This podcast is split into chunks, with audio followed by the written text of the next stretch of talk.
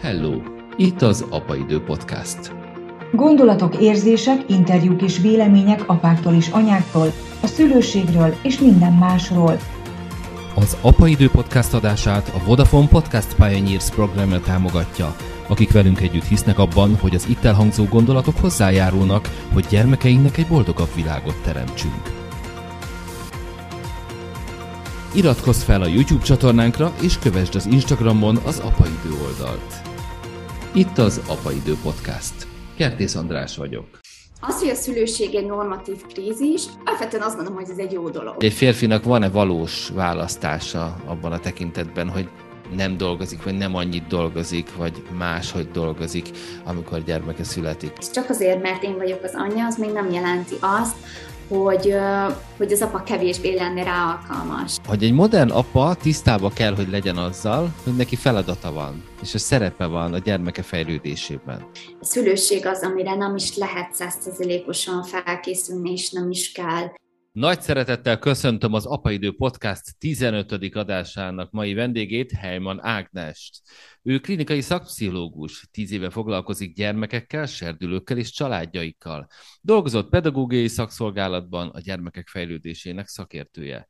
Jelenleg a Heimpál Gyermekkórház neurológiai osztályán dolgozik pszichológusként gyermekeknek és szüleikkel, ahol a neurológiai betegségek kapcsán felmerülő pszichés zavarok diagnosztizálása és kezelése a feladata.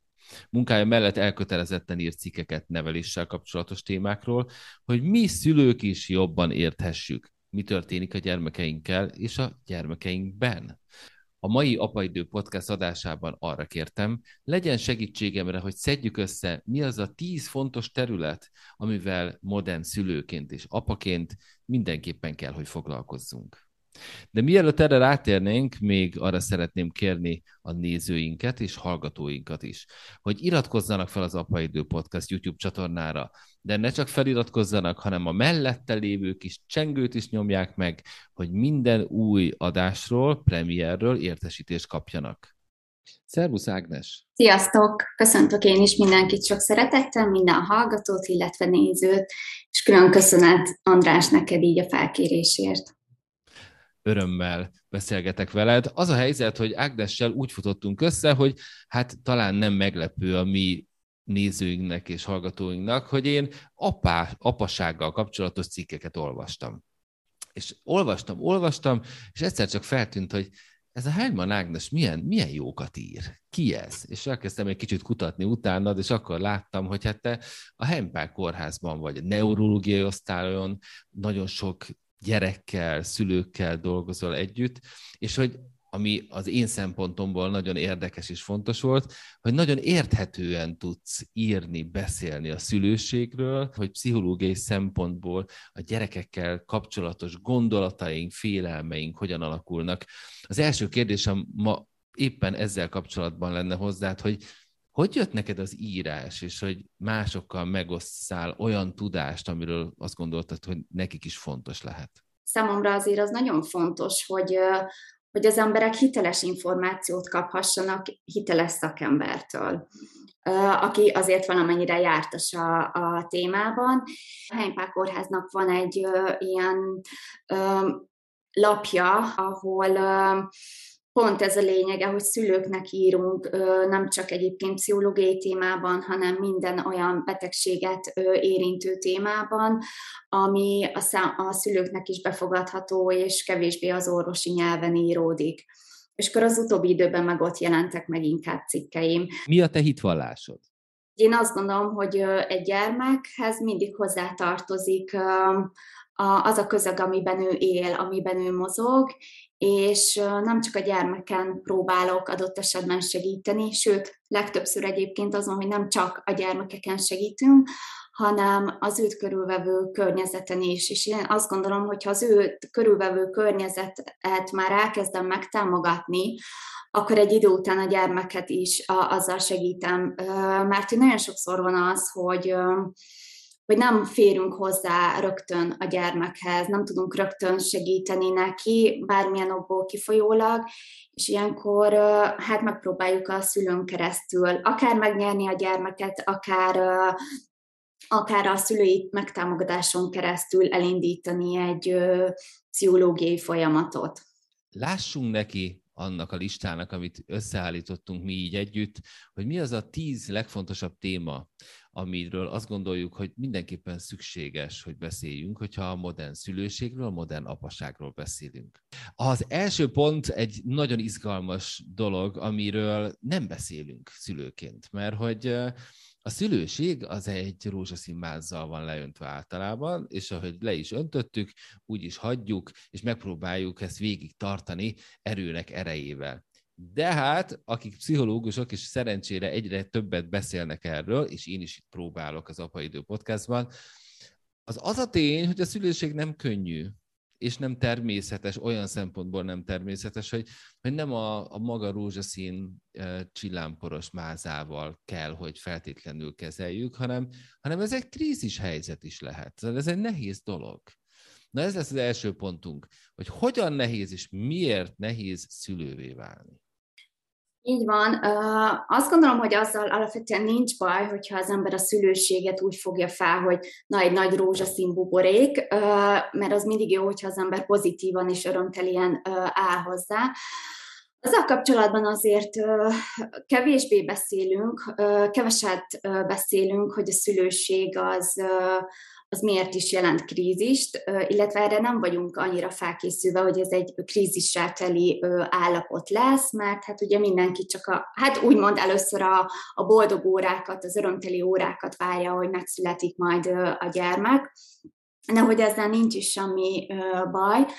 Az, hogy a szülőség egy normatív krízis, az egy, alapvetően azt mondom, hogy ez egy jó dolog, hogy hogy egy krízissel találkozunk szembe. Ilyenkor ugye a krízisnek, a normatív krízisnek az a lényege, hogy, hogy igazából az életünk része, és hogyha egy férfi és egy nő úgy dönt, hogy gyermeket vállal és családot alapít, akkor onnantól kezdve nyilván ez, hogy, hogyha megfogan az, megfogan az a gyermek, akkor maga ez a krízis, ez, ez elkerülhetetlenné válik jó esetben, mert hogy ki fogja hordani az édesanyja, meg fog születni, alakul egy család, és hogy ez a, ez a fejlődésnek a, a része tulajdonképpen, és ebben a helyzetben találkozunk olyan, hát igazából szituációkkal, amikkel eddig ugye nem találkoztunk.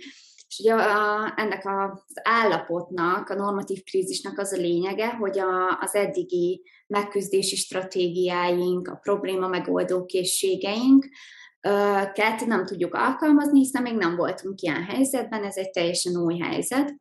De jó esetben ebben a, az életszakaszban, vagy az életszakaszon túllendül az ember, egymást segítve, a megküzdési stratégiákat kifejlesztve, és innentől kezdve akár egy újabb fejlődési fázisba ö, kerül az egyén. Nyilván ez nem jelenti azt, hogy ne lehetnek ö, megtorpanások, ne lehetnének akadályok, sőt a krízis az ö, ugye hát rosszul is végződhet, de ezt akkor abban a helyzetben nagyon sokszor még nem éljük meg, hanem egy másik, későbbi fejlődési szakaszban ö, fogjuk ezt ö, megélni hogyha ez a normatív krízis mondjuk nem megy jól végbe. Erre mondanék egy példát, és akkor szerintem érthetőbb lesz, hogyha mondjuk egy pár gyermeket vállal, és megszületik az a gyermek, de mondjuk az előző normatív krízisüket úgymond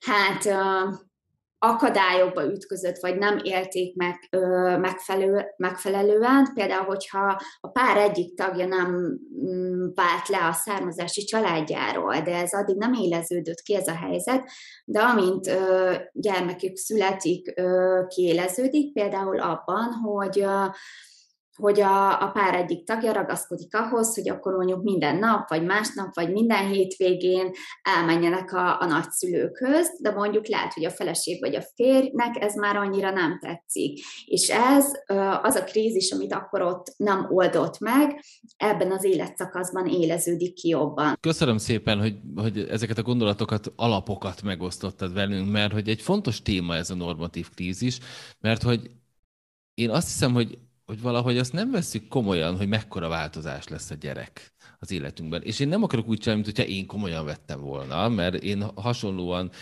bele kellett, hogy tanuljak abba, hogy milyen egy gyerekkel, és hogy most már nem lesz ugyanaz, mint az előtt volt, és, és, és igen, nem jár az, ami eddig járt, és stb. stb. stb. Szóval ez óriási változás, és ahogy te is mondod, új és új eszközöket kell tanulnunk ahhoz, hogy meg tudjunk felelni ezeknek a kihívásoknak, amit, amit egy gyerek jelent, és ez valahol ez gyönyörű, hiszen én például az Apaidő podcastot és az egész Apaidő projektet is azért kezdtem el annak idején, még a Facebookon 2018-ban is írni és beszélni erről, mert hogy óriási élmény volt a tanulás maga. Hogy szembesültem azzal, hogy, hogy nem tudom a választ. Vannak kérdések, vannak szituációk, amiket nem tudok megoldani. És hogy tanulni és tanulni és tanulni kell, elsősorban magamról, nem is a gyerekről, hogy meg tudjam oldani a gyerekkel kapcsolatos, a szülőséggel kapcsolatos kérdéseket.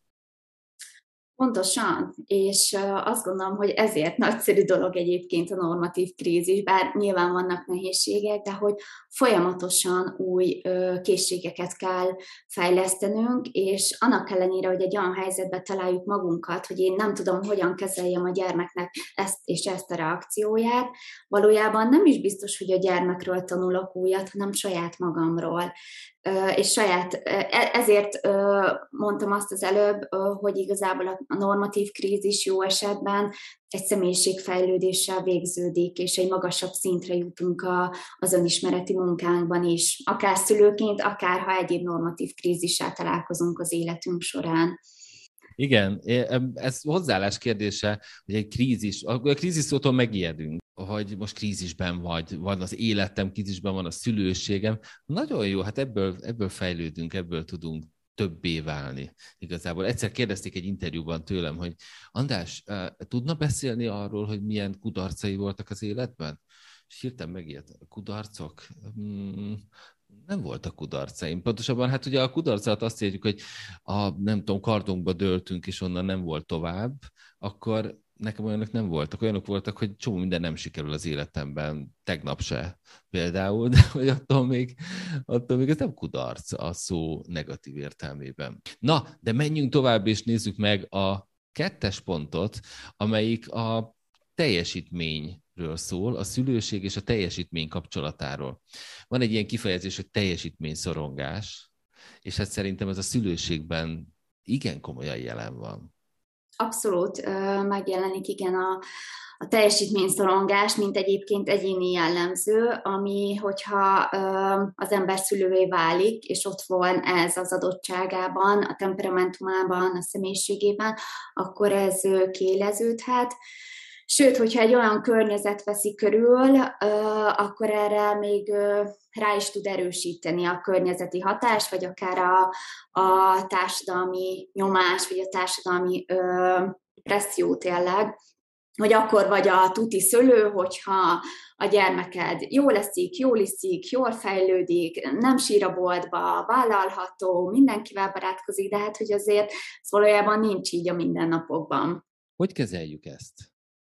Azt gondolom, hogy a leges legfontosabb az, hogy saját magunkkal legyünk egy picit úgy megengedőbbek.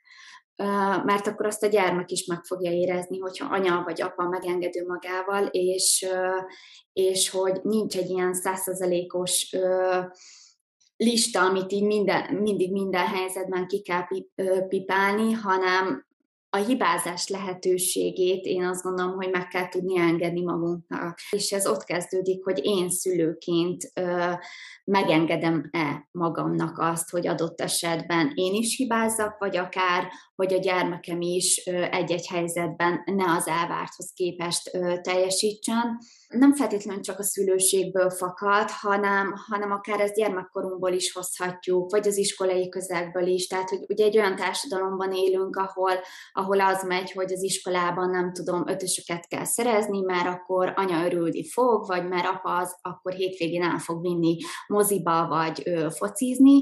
Tehát, hogy, hogy igazából van egy cél, ami tök jó, csak hogy magát a, a folyamatot, hogy én akkor tanulok, meg jelentkezek, azt úgy a gyermek, tehát hogy, hogy el elveszíti az örömét abban, mert hogy, hogy egy, egy teljesítmény, a teljesítmény az igazából egy ilyen megfogható Hát nem feltétlenül anyagi, de hogy, hogy mindig egy ilyen feltételhez kötjük, és hogy ez később is megjelenhet, akár felnőttként a szülőségben is, hogy én akkor vagyok jó anya, vagy akkor vagyok jó apa, hogyha százszerzalékosan meg tudom mutatni azt, hogy a gyermekem milyen. Holott ez nem biztos, hogy csak erről szól nagyon jók, amiket mondasz, és, és sok-sok fontos témát érintünk ezzel kapcsolatban. Én hármat hoz, hat hozzak ide gyorsan, mint teljesítmény és szorongás. Az egyik az az édesanyáknak a szorongása és a nőknek a szorongása, amiről nem feltétlenül az én tisztem, hogy a legtöbbet beszéljek, de azért én újra és újra azért próbálok azért egy picit küzdeni, hogy mi férfiak foglalkozzunk ezekkel a kérdésekkel, mint például a nőknek a szorongása, és hogy a nők a felnövekedésük alatt azért nagyon sok olyan ingert éri őket, és ingert kapnak, ami, ami azt kelti fel bennük, hogy mire édesanyák lesznek, már nagyon meg akarnak felelni ilyen meg olyan képeknek. Mi férfiak talán makacsabbak vagyunk, vagy, vagy harcosabbak vagyunk sokszor, és ezért uh, látszólag nem, nem szorongunk annyira mondjuk egy szülői szereptől, de pedig de egyébként. Tehát, hogyha megnézzük, hogy a, hogy a férfiak mekkora pocakot eresztenek apaként, hogy hogy változik meg az életük, a, a testtömegindexük és a, és a szorongásaik, és az alkoholizmusuk, és a sorolhatnám.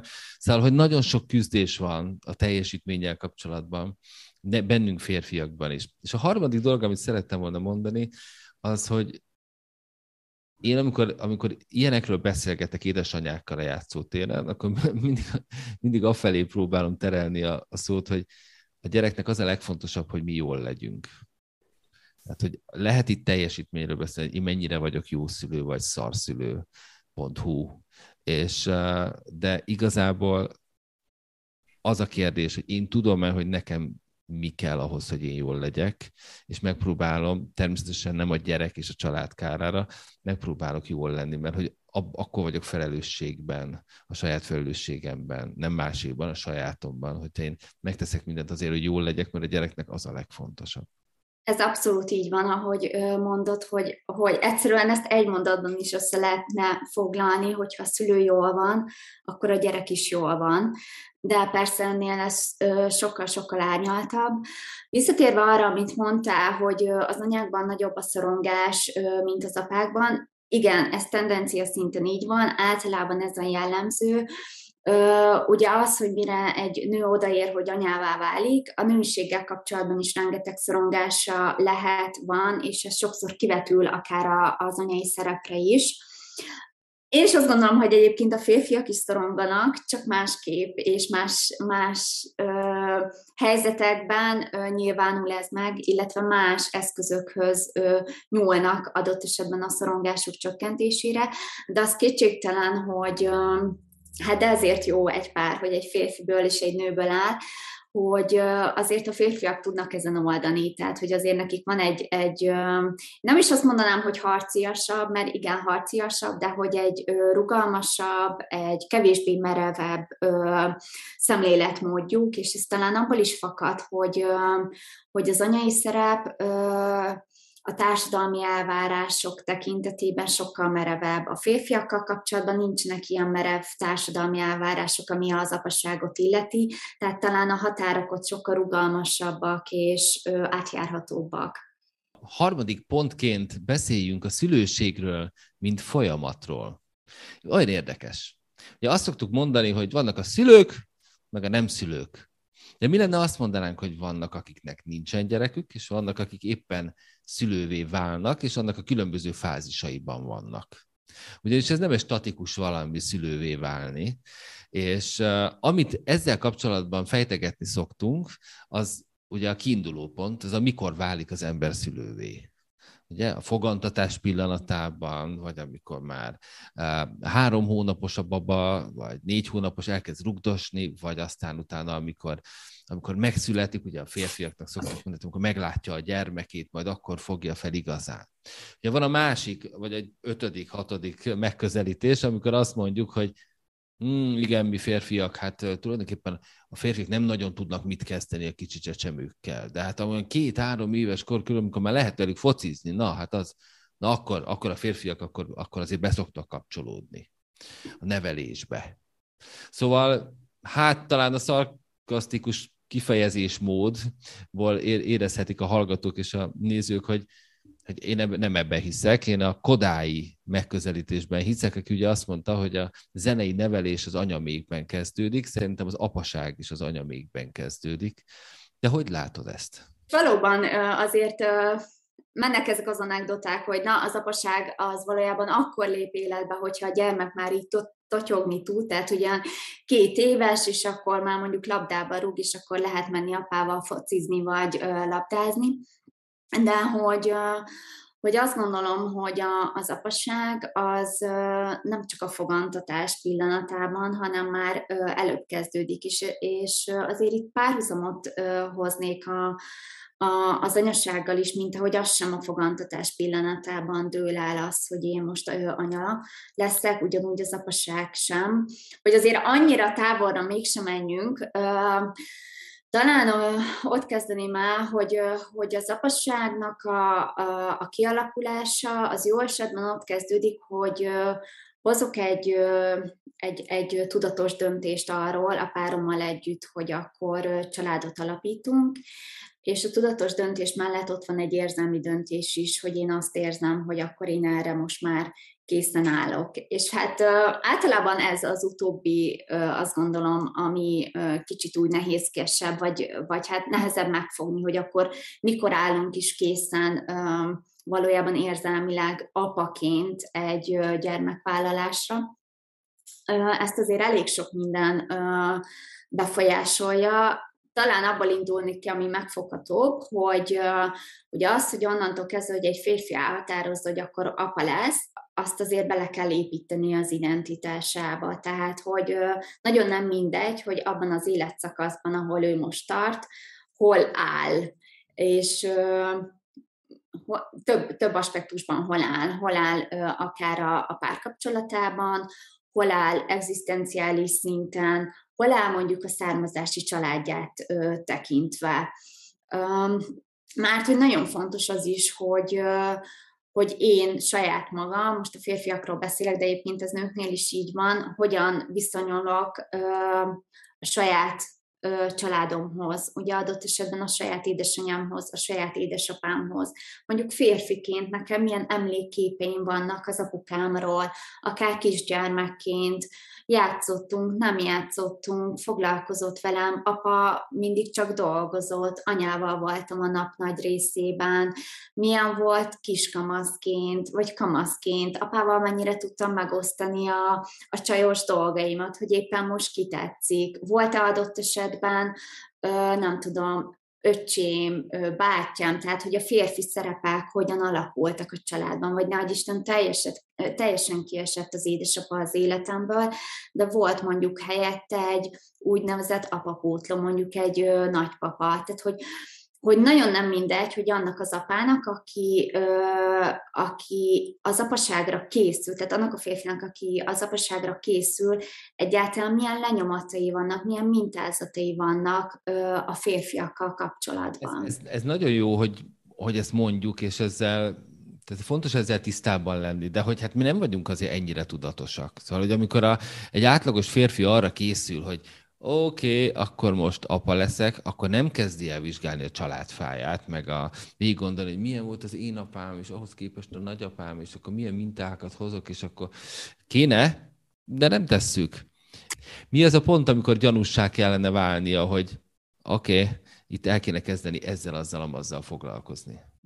Nem feltétlenül baj, hogy ezt most ö, nem tesszük meg, ahogy az apaságra készülünk, nem vesszük végig a családfánkat, ez így van, és nem is kell, mert ez nem lenne annyira um, hiteles abban a szempontból, hogy ugye a természetesség része talán elveszne.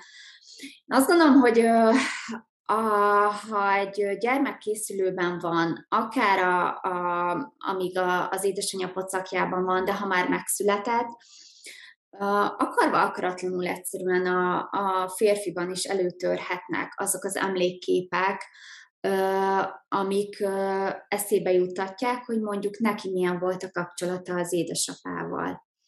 Ez ugyanúgy lehet nőknél is, hogy, hogy megszületik a, a gyermek, vagy akár amíg a nő, eszébe jutnak akarva akaratlanul akár azok az emlékképek, amik a saját kisgyermekkorára emlékeztetik, és feljöhetnek ilyenkor akár kedves, akár kevésbé kedves emlékek, és hát amikor mikor kell bajra gondolni, mm, ezt az egyén mindig érzi. Tehát, hogy egy, egy férfi is érzi azt, hogy fú, hát akkor lehet, hogy itt az idő, hogy a saját édesapámmal való kapcsolatomat megdolgozzam, és erre pont akkor döbben rá, amikor ő is apa lesz. A te praxisodban előfordul ez viszonylag gyakran, hogy a férfiak rádöbbennek arra, hogy meg kéne dolgozniuk a kapcsolatukat az édesapjukkal? így van, azért ezt látjuk sokszor, hogy, hogy szülőként előbukhatnak a meg nem dolgozott élettörténetek, események a korábbi életszakaszokból. Én még egy dologra felhívnám gyorsan a figyelmet. Ugye arról beszélgettünk, hogy a, hogy a szülőség, vagy szülővé válás az egy folyamat, és ugye itt most elkanyarodtunk arra, hogy, hogy mi az első pontja ennek. De szerintem arról is fontos egy gondolat, rövid gondolatot ejteni, beszélni, hogy, hogy nincsenek kész szülők.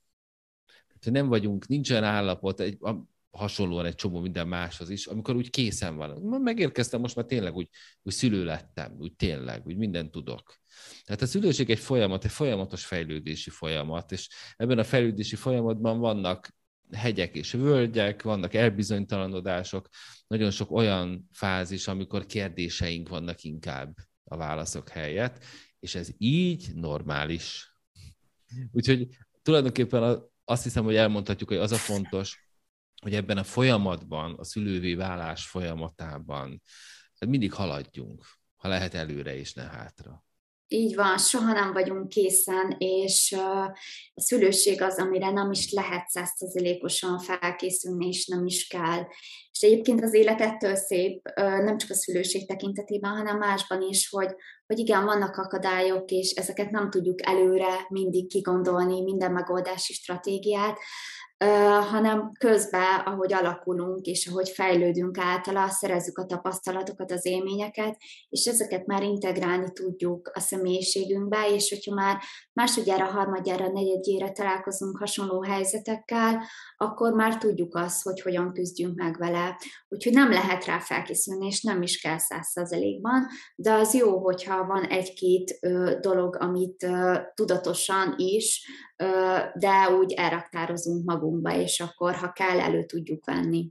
Negyedik pontként nézzük meg a szülőséget apai oldalon, hogy mik azok az aspektusok, mondjuk a három legfontosabb aspektus, amit vizsgálnunk kell, vagy érdemes elmerülnünk egy kicsit abban, hogy hogyan lesz egy férfi apa, milyen kérdésekkel néz szembe.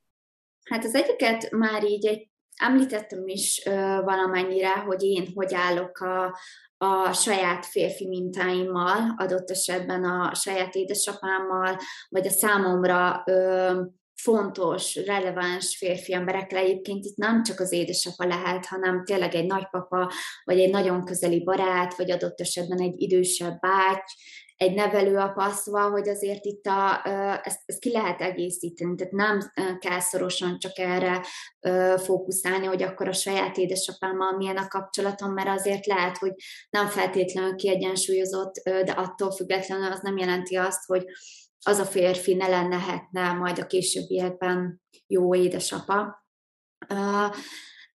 Ez az egyik. A másik talán így férfiként az, hogy hol állok én az önmegvalósításban, ugye ez nagyon ilyen divatos szó, és egyébként én annyira nem is szeretem önmegvalósítás és a, a karrier, de Szóval, hogy minden férfinak azért ez egy kulcsmomentum az életében, mielőtt gyermeket vállal, hogy akkor én most elértem, amit akartam, vagy még szeretnék, vagy most éppen melyik stádiumban állok, hogy, hogy akkor felkészülni arra, hogy akkor innentől kezdve én leszek a pénzkereső, vagy éppen engedjük el ezt a pénzkereső vonalat, és hogy akkor tényleg így az apaságra szálljak több időt, figyelmet, energiát. De akkor jön megint a kérdés, hogy de akkor ki fogja ellátni a családot, hogy lesz az anyagi biztonság. Úgyhogy azért ezekkel a kérdésekkel is el kell számolni, végig kell gondolni, de azt gondolom, hogy jó esetben azért egy családba születik, mert hogy ott van a, a nő, aki akivel ezt meg lehet beszélni, és konszenzusra lehet jutni, hogy akkor ki hogy gondolja ezt a, ezt a felállást. Ez egy komoly téma, ez muszáj hozzászólnom férfiként. és már csak azért is, mert ugye az egész apaidő projekt az onnan indult, hogy én hoztam egy döntést, hogy szerdánként nem dolgozom, és a kisfiammal leszek, és hát ugye ennek van egy ilyen anyagi aspektusa is, hogy hát amikor az ember nem dolgozik, akkor nem keres pénzt, vagy hát vannak néhányan, akik igen, de mondjuk ez rám nem volt jellemző. Tehát, hogy meg kell hozni egy ilyen döntés, hogy mi a fontos, vagy meg tudom-e tenni ezt, hogy én nem dolgozom, és akkor én ott azt megtehettem óriási örömömre, de tudom, hogy ez mekkora anyagi nyomást jelent, illetve hogy a társ, egész társadalmi berendezkedésünk is olyan, hogy még mindig nagyon messze vagyunk attól, hogy a nők annyit kereshetnének, mint a férfiak, hogy lennének négy meg hat órás munkák, hogy stb. stb. stb. Ami egy komoly probléma, és nem csak női oldalon probléma egyébként, hanem azt a kérdést is felveti, hogy egy férfinak van-e valós választása abban a tekintetben, hogy nem dolgozik, vagy nem annyit dolgozik, vagy máshogy dolgozik, amikor gyermeke születik. Én azt gondolom ezzel kapcsolatban, hogy mindig az a fontos, hogy az az adott férfi, hogy az az adott pár mit gondol fontosnak. Tehát, hogyha a férfi azt éli meg, hogy mondjuk én egy napot mondjuk otthon vagyok, és cserébe nem dolgozok azon az egy napon, de ez egy jelentős anyagi kiesés, de csak azért is megcsinálom, mert hogy ezt üzeni a modern szülőség, meg a modern apaság, meg a, a, a szakemberek, de hogy valójában rühellem az egészet, és hogy, nekem teher az, hogy reggel 8-tól estig ott vagyok a, az anya mellett, mert már egy idő után a, a sírás meg minden idegesít, de csak azért is ott maradok, az sosem jó. Tehát, hogy mindig azt válasszuk, ami számunkra is hiteles, és amivel önazonos tudok lenni. Fordítva is igaz, hogy az sem jó, hogyha az édesapa csak az anyagi biztonság biztonságért minden áron erőlteti a munkát, holott egyébként a szíve már vágyna egy kötetlenebb életformára arra, hogy egy picit ő is a gyermekkel legyen. Tehát, hogy az a lényeg, hogy mi magunk szülőként mit érzünk hitelesnek, és mivel vagyunk leginkább önazonosak. Menjünk tovább, és nézzük meg, hogy mi az ötödik téma, ami nagyon fontos a modern szülőség, a modern apassággal kapcsolatban. És hát ez nem más, mint hogy mi történik, amikor a gyermek megszületik? Mi történik, Ágnes? Bennünk és körülöttünk. Uh, igen, itt még beszélgetünk most már egy jó 40 perce a, az apaságról, és most tartott ott, hogy, hogy megszületik a gyermek, szóval, hogy ez is szimbolizálja azt, hogy azért ez mennyire nem egyszerű dolog, hogy nem, nem, nem az történik, hogy akkor ma még nem vagyok apa, és holnaptól már apa vagyok. De még egy picit visszakanyarodnék, mert még mielőtt megszületik, azelőtt még meg is fogan, tehát hogy ott van egy kilenc hónap, ami azért, amiről nagyon sokszor elfeledkezünk az apák szempontjából az anyák szempontjából kevésbé, mert hogy ott az e, egy elég látványos dolog, illetve nagyon sok testi, hormonális, pszichés változáson mennek keresztül ilyenkor a nők. De hogy egyébként nem csak a nők, hanem, hanem már a várandóság ideje alatt azért a férfiakban is elkezdődik valamilyen változás. Ha más nem, akkor csak annyi, hogy tudatosul bennük, hogy huha, hát apuka leszek tehát, hogy ez a, ez a, ez a legelső, ami ugye tudatosul, de azért amellett már ők is elkezdik tényleg átélni és átérezni ennek, a, ennek az élményét, annak ellenére, hogy még ott sincs a gyermek mellettük. Tehát, hogyha ilyenekre gondolunk, hogy nem tudom elmenni és megcsinálni, bevásárolni, megcsinálni a gyermekszobát, kiságyat venni, babakocsit venni. Azért ezeknél az eseményeknél mm, nyilván az édesapa is ott van szerencsés helyzetben, és azért napról napra jobban tudatosul benne is az, hogy hát akkor az apaság az már igencsak itt áll a küszöbön. Ez egy csodálatos időszak. És én annyira szeretek erről beszélni, mert egyrészt két érzésem van ezzel kapcsolatban. Egyrészt ez, ez a vá, várakozás, várandóság, várakozás dolog, hogy tudom, hogy valami nagyon-nagyon szuper és jó dolog fog velem történni, és tudja, hogy megtörténik. És hogy hát persze izgulok, hogy minden rendben legyen, de azért valószínű, hogy rendben lesz, és valószínű, hogy nagyon-nagyon jó lesz. Tehát szerintem ez, ez zseniális. Tehát ez egy nagyon jó érzés. A másik érzés, ami bennem volt például, az a hiány. Hogy nem, nem érzem, hogy nem tudok ott lenni, hogy, hogy nem tudom megfogni. És, és hát amit én kívülről sibogattam, és, és beszélgettem, és nem tudom, ez őrület, és, a, és közben ez a három hetes ultrahang. Ugye, hogy három hetenként lehet menni ultrahangra körülbelül. Nálunk ez így volt. Hát alig bírtam ki. Mondtam is a dokinek, nem lehetne hetente? Tehát miért, miért van az, hogy, hogy három hetet kell venni, hogy lássam a gyerekemet? Hát ez, nem, ez nonsens. Hát gondolkodtam, hogy meg kéne bérelni egy ultrahangkészülőket. Hát most miért minden este kicsit meg, de meg, hogy vagy, jól vagy, ezért szopod az ujjadat, nem, ezért merre fordultál, oké, okay, csók, ezért holnap találkozunk. De hát ezt nem lehetett, viszont most már öt éve itt van velünk a kisfiunk, és tudom esténként ugyanezt csinálni vele. Szóval ez egy csodálatos időszak ez, amikor várjuk, hogy megszületik a gyerekünk.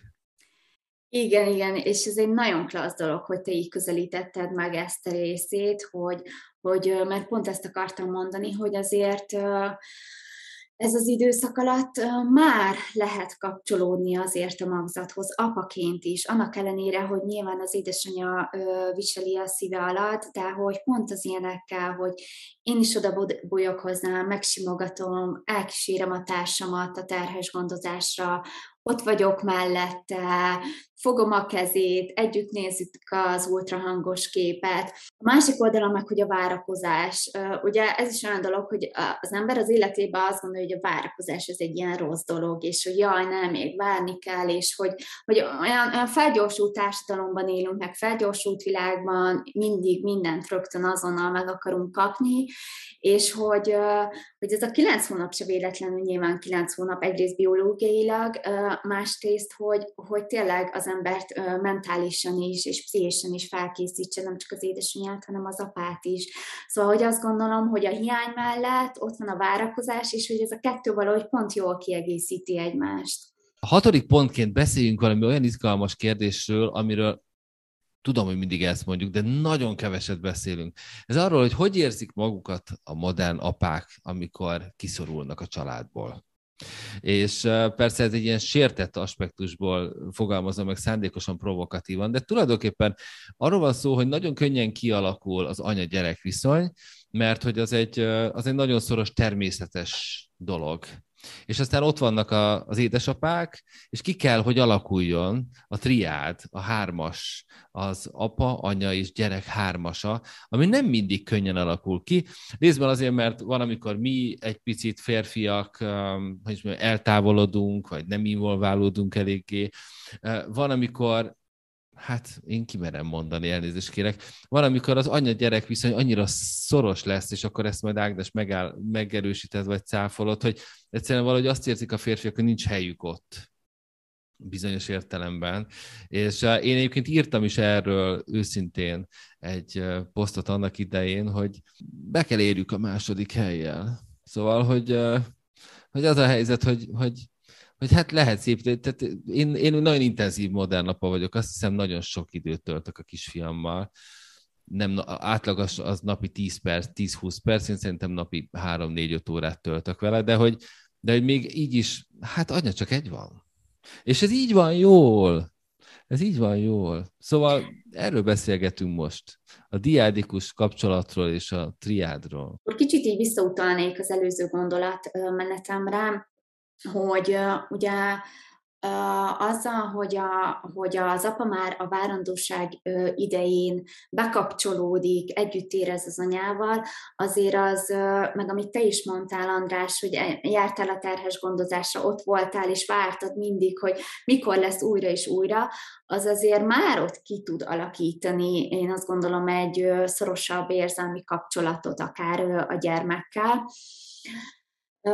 És hát ugye amikor megszületik a gyermek, az egy nagyon speciális helyzet, mert na, az azért nem vitatott, hogy, hogy nyilván az anya hordja ki, ő szüli meg, és ő szoktatja. Tehát ez az a három dolog, amit nem lehet elvenni tőlük, nem is kell, de hogy emellett minden másban az édesapa ugyanúgy ö, tud lenni, tehát hogy a gondozásban, a fürdetésben, a pelenkázásban már kezdetektől ö, fogva.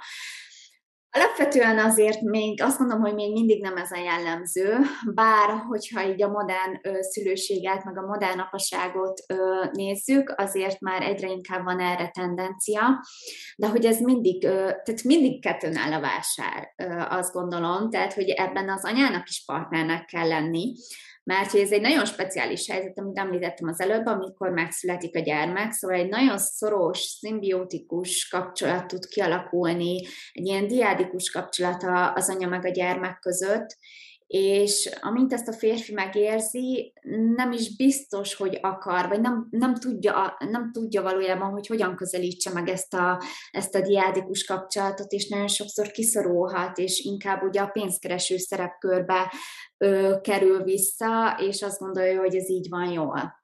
Az a lényeg, hogy ebben a hármas helyzetben, vagy akár tágabban majd a, a, a tágcsaládban, hogyan tudunk jól, minél jobban együttműködni, kiegészíteni egymást, hogyha én már hullafáradt vagyok anyaként, akkor rábízhatom a páromra azt, hogy figyelj, fürdesd meg, pelenkázd meg, altasd el, mert hogy, mert hogy azt érzem, hogy, hogy, hogy most sokkal jobban ott tudsz te lenni apaként, mint én hullafáradtan anyaként. Csak azért, mert én vagyok az anyja, az még nem jelenti azt, hogy, hogy az apa kevésbé lenne rá alkalmas.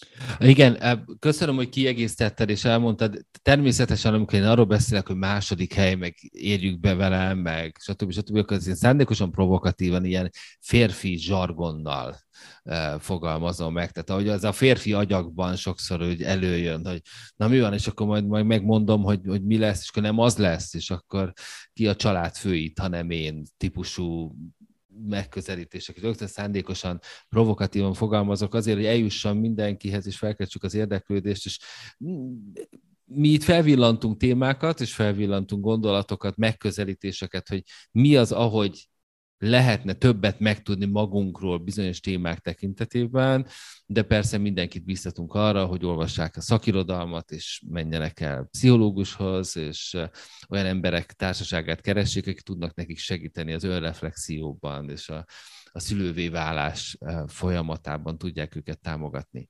Ezzel kapcsolatban még egy apró észrevétel, hogy itt is azt szeretném megjegyezni, hogy fontos az, hogy apaként felismerjem, és véghez is tudjam vinni az, ami számomra a legközelebb álló a gyermekkel kapcsolatban. Nyilván, amennyire lehet a körülményekhez képest, mert nem mindig csak azt csináljuk, amihez kedvünk van szülőként, azért ezt tudjuk.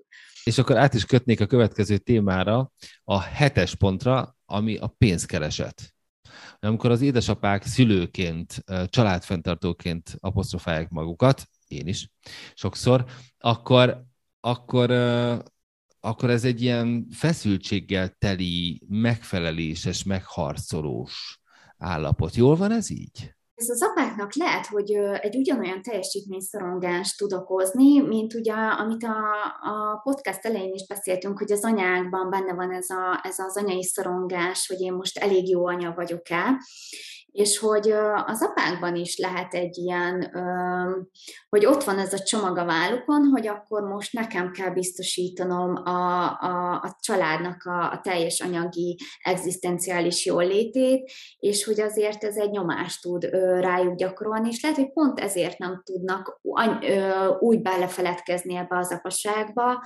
mert hogy nekik kötelességük van.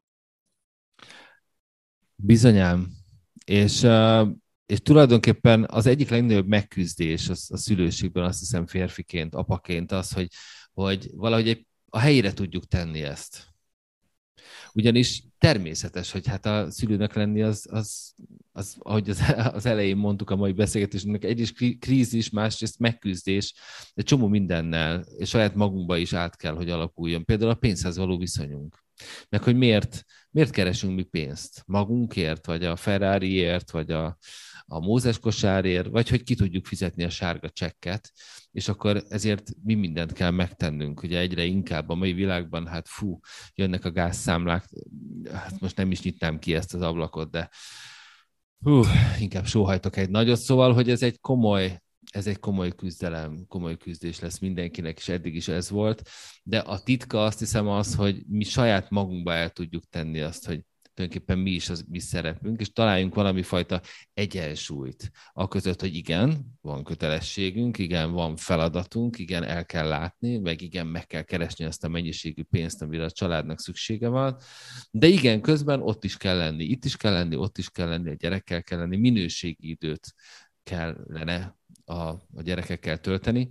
És akkor most át is térünk a nyolcas témánkra, a nyolc, mai nyolcadik témánkra, ami tulajdonképpen azt a kérdést feszegeti, hogy mit jelent ma modern apának lenni. Ágnes, te ezt hogy látod? Nagyon jól alkotta meg egyébként, tehát nagyon a természet az csodálatos abból a szempontból, hogy tényleg egy, egy jó esetben ugye egy gyermeket egy édesanyja meg egy édesapa nevel fel, mert hogy azért alapvetően teljesen más attitűddel kezdünk bele a gyermeknevelésbe. Uh, és itt az apák uh, szerepéről, meg kontextusából nézve, az azért elég sok kutatás van azzal kapcsolatban, hogy uh, ahogy az apák bánnak a gyermekekkel, az apai játékokat figyelték meg, és azt tapasztalták, hogy uh, ezek az interakciók sokkal uh, jobban uh, közelebb állnak a valósághoz, uh, itt, itt arra akarok kiukadni, hogy a gyermeket egyszerűen egy olyan ö, helyzetbe hozzák, ami így a mindennapi élethez sokkal közelebb áll, és ezáltal a gyermekeknek a, a probléma megoldó stratégiái, a konfliktus megoldó stratégiái, a személyiség fejlődése, a kreativitása, az, az végtelenül tud szárnyalni. Ez, ez nem jelenti azt, hogy az anyák kevésbé ö, jók mondjuk a játékban, sőt, meg nem is jelenti azt, hogy az apák többet játszanak, egyszerűen a, a játéknak a minősége teljesen más, illetve az interakcióknak a, a minősége az azért az köztudott, vagy hát nem tudom mennyire köztudott, de hogy azért az apák a nagy mozgásos tevékenységekben, a fáramászásban, a labdázásban, a kötetlen szabadjátékban remekelnek. Tehát, hogy Nyilván ez is összefügg azzal, hogy kevesebb a félelemérzet egy apában, mint mondjuk egy anyában. Tulajdonképpen, hogyha ezt átfogalmazzuk, akkor, akkor arról beszélgetünk, hogy hogy egy modern apa tisztába kell, hogy legyen azzal, hogy neki feladata van és a szerepe van a gyermeke fejlődésében. Nem, a, nem csak a nevelésében, ugye a társadalmi elvárásoknak való megfelelésben, nem csak az etiket megtanításában, nem csak a, az ő életben maradásának a biztosításában, hanem, hanem nekünk felelősségünk és feladatunk van abban, hogy hogyan fejlődik ki a gyermekünk, hogy milyen hatások érik rajtunk keresztül. Hogy, hogy ugye például a félelemérzet, a bátorság, a, konf, a, a konfliktus tűrő képesség, vagy az, hogy a, hogy a komfortzónán kívül mennyire mer kimozdulni, a fel, hogy felfedezni új dolgokat. Ez mind-mind nagyon szorosan kapcsolódik a mi működésünkhöz, a mi apai jelenlétünkhöz. És hogyha nem vagyunk jelen, és nem történnek meg ezek, akkor sokkal nehezebben alakul ki a gyerekekben az, ami neki kellene alakulnia, mind a, a, az érzelmi bátorság, a fejlettség, a, a konfliktus és feszültségtűrés, és a, a, az, a határainak a kitolása például. Így van, és az a csodálatos ebben, hogy ezt nagyon sokszor mm, akaratlanul, tudattalanul viszik véghez az apák, tehát egy spontán játékkal tényleg egy, egy van erre egy jó történet, azt, ezt így gyorsan elmondanám, mert ezt szerintem nagyon jól szimbolizálja, hogy egy apáról, meg egy kislányáról esik szó, egy ilyen óvodáskorú kislányról, ahol mm, az az esti rituálé, meg a program, hogy apa fürdeti mindig a, a kislányt, és hát ez az adott este is így van. És hát kiveszi a, miután lefürdött, kiveszi a lányt, megtörli, és akkor minden este egy ilyen repülőnyúlás játékot játszanak, hogy kicsit így dobálja a levegőben, meg így játszadozik velem, és hát egyik alkalommal véletlenül, ahogy így lógatja a lábát, a kislány beüti a fejét a fürdőszoba ajtó, ajtóba, és hát így az apának az a reakciója, hogy hups, bocsánat, kislányom, és akkor itt jön a találós kérdés, hogy mi a kislánynak a, a reakciója erre, hogy A, azt hiszem azt mondja, hogy elkezd sírni, hogy anya, anya, B, apa, miért nem figyelsz jobban? A C meg az, hogy apa, még egyszer, még egyszer. És hát ugye a C válasz a, a nyerő, tehát hogy ezzel is azt ö, szerettem volna csak implikálni, hogy ugye az apa nem esett kétségbe. Jó, nyilván nem egy hatalmas balesetről van szó, tehát nem egy koponya trauma történt, hanem valószínűsíthetően tényleg egy enyhe, minimális kis ütés, de hogy az apa ö, nem, nem esett kétségbe, és hogy, ö, hogy már hogy probléma, ö, problémába ütközött, és hogy igazából az élet is ilyen, szóval, hogy ezzel is azt tükrözzük át a, a gyermekünknek, hogy hát igen, lehet, hogy néha beütjük a bokánkat, vagy a fejünket, vagy ez, vagy az történik, de hogy azért ez, ez, ezeket meg lehet oldani, ezeket a szituációkat. Az egy, az egy érdekes helyzet, amikor amikor mi jobban megijedünk, mint a gyerekünk szülőként, és apaként meg különösen, mert, mert azért tényleg férfiként sokszor nagyon bátrak vagyunk, azt hiszem. Tehát, hogy kicsit túl bátrak is, és akkor amikor szembesünk, hogy Jézus, hát ő még csak három éves, meg jaj, lehet, hogy most ezt nem kellett volna, meg anya csúnyán néz, mert már megint mit csináltam a gyerekkel. Hát nálunk ez különösen, hiszen a, az én drága feleségemnek két lánya van, és akkor született egy közös gyermekünk, egy fiú. És hát ez, egy, ez a fiú azért az egészen máshogy működik bizonyos szempontokból, mint a, mint a lányok működtek, és hát a határok egészen máshol vannak, és mi aztán feszegetjük is persze, dobáljuk, és őt, és ő rugdos engem, és gurulunk, és, izé, és ugrunk, és mindent csinálunk együtt, szóval hogy ezek a határok kitolása, ez, ez nagyon izgalmas, és, és ugye ide jön, ilyenkor jön elő, amikor, amikor azzal szembesülünk, hogy valami baleset van, és akkor a gyerek ránéz apára, például rám az én kisfiam, és nézi, hogy akkor most nagyon meg kell ijedni, vagy nem kell nagyon megijedni. És apaként ez is egy érdekes tanulás, hogy, hogy hogyan tudod egy pillanat alatt a saját félelmeidet is leküzdve a helyére tenni a helyzetet. Tehát, hogyha nem tört be a feje és beütötte, hogyha belerugott a kőben, na hát belerugott, akkor attól még focizhatunk tovább, és nem kell megállni, és akkor tudom, ha nincs nagy fájdalom, persze meg hát mindenki értse ezt jól. Szóval, hogy ez is egy nagy apai tanulás, férfi tanulásnak a, a, a segítője lehet.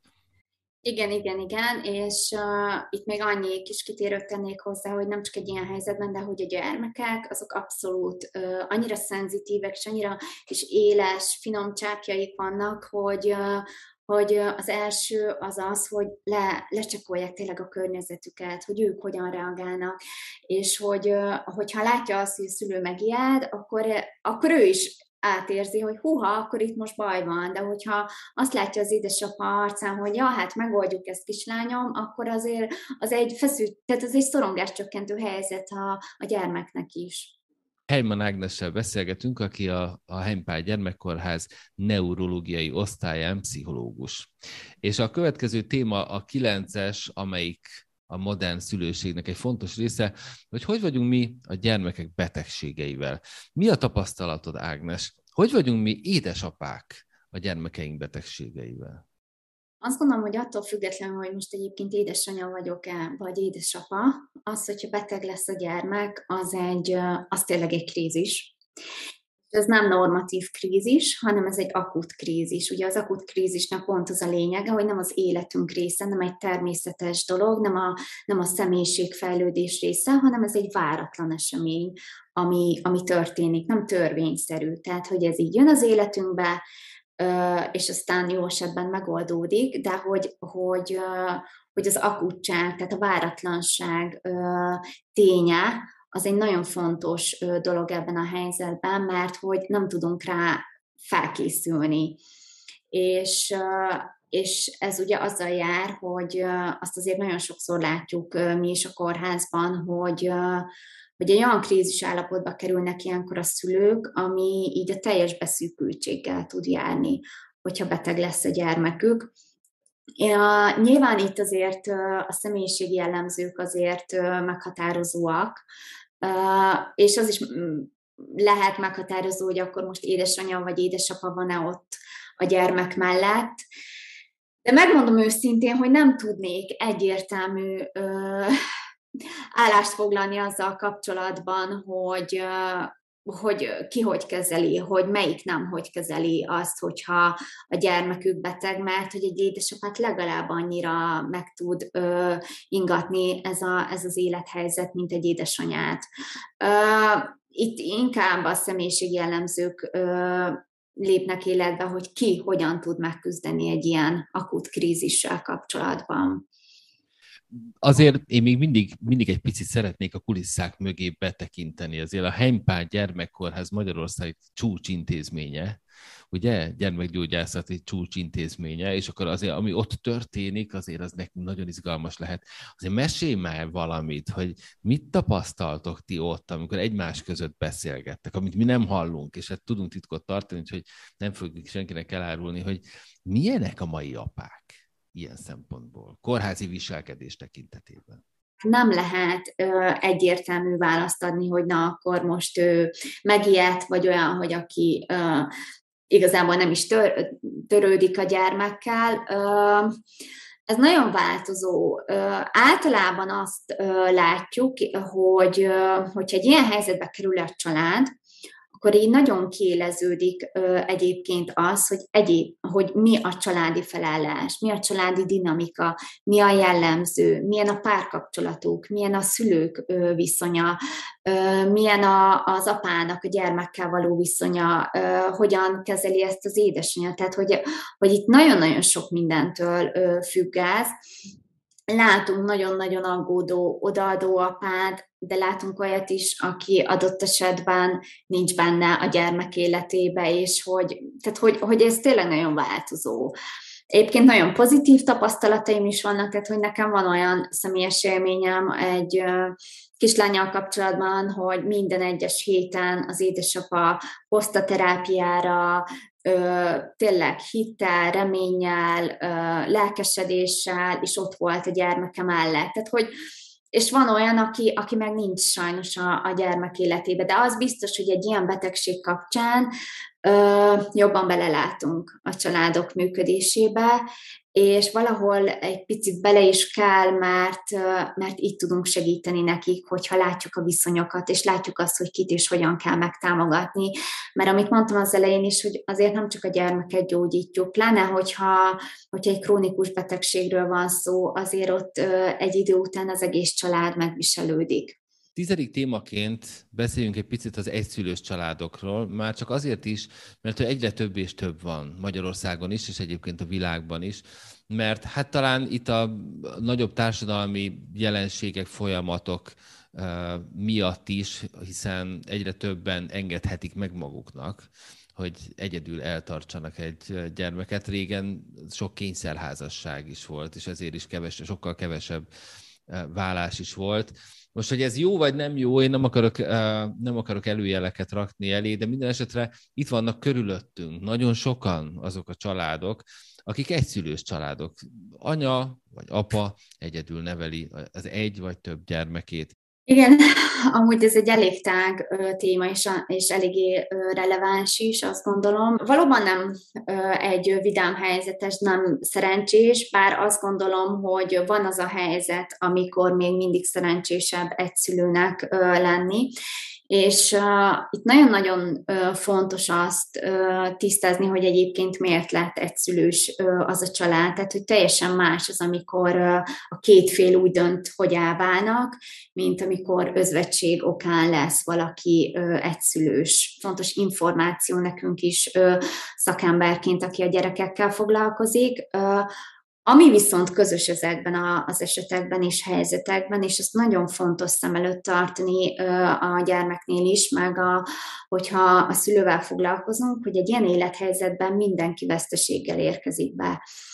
Tehát a gyermek is, az egyedül maradó szülő is, és adott esetben a távol lévő szülőnek is nyilvánvalóan vannak veszteségei, amit meg kell dolgozni, időt kell hagyni, és ez nagyon fontos, hogy ezt a veszteség élményt azért mi szemünk előtt tartsuk, mert teljesen másképp közelítünk meg egy ilyen gyermeket, illetve egy szülőt, akinek már a háta mögött van egy ilyen kudarc, és nagyon fontos, hogy még akkor is veszteségélmény, hogyha maguk a szülők ö, döntöttek úgy, vagy maga az adott fél, aki neveli a gyermeket, hogy, ö, hogy ő egyszülős családdá válik. Tehát akkor is egy veszteségélmény. Azt látom, azt gondolom, hogy az egyszülős családban a szülőnek talán még nagyobb felelőssége van abban, hogy ő mennyire fejlődik. Hogy mennyit ért meg magából, a világból, a gyerekből. Hogy mennyire tud felelősség teljesen ott lenni és benne lenni a kapcsolatban, különösen akkor, hogyha például ez egy csúnya vállás után alakul ki ez a helyzet. De hogy látod, Ágnes?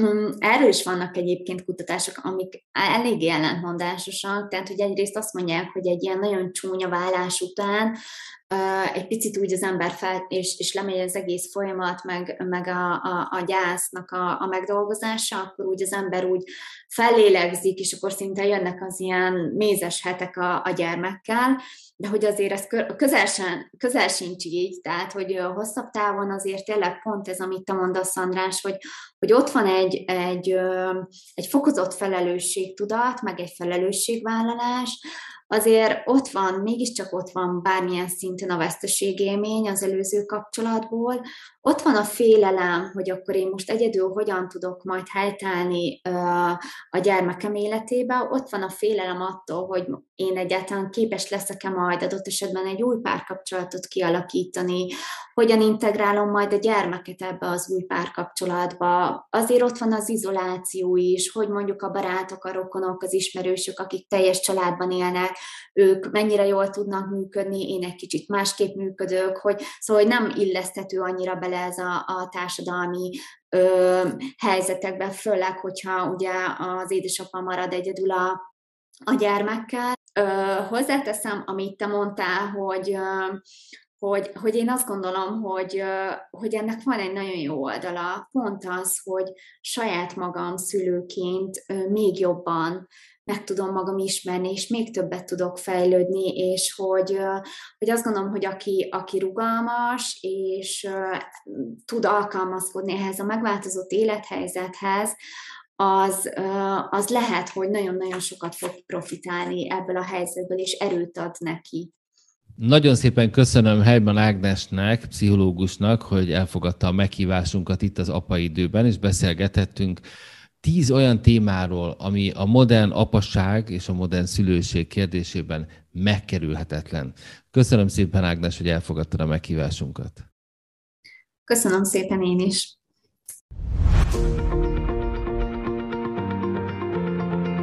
Az apaidő nem jöhetett volna létre az anyák, az apák, a gyerekek és a támogatók nélkül. Iratkozz fel a YouTube csatornánkra, és kövessd az Instagramon az apaidő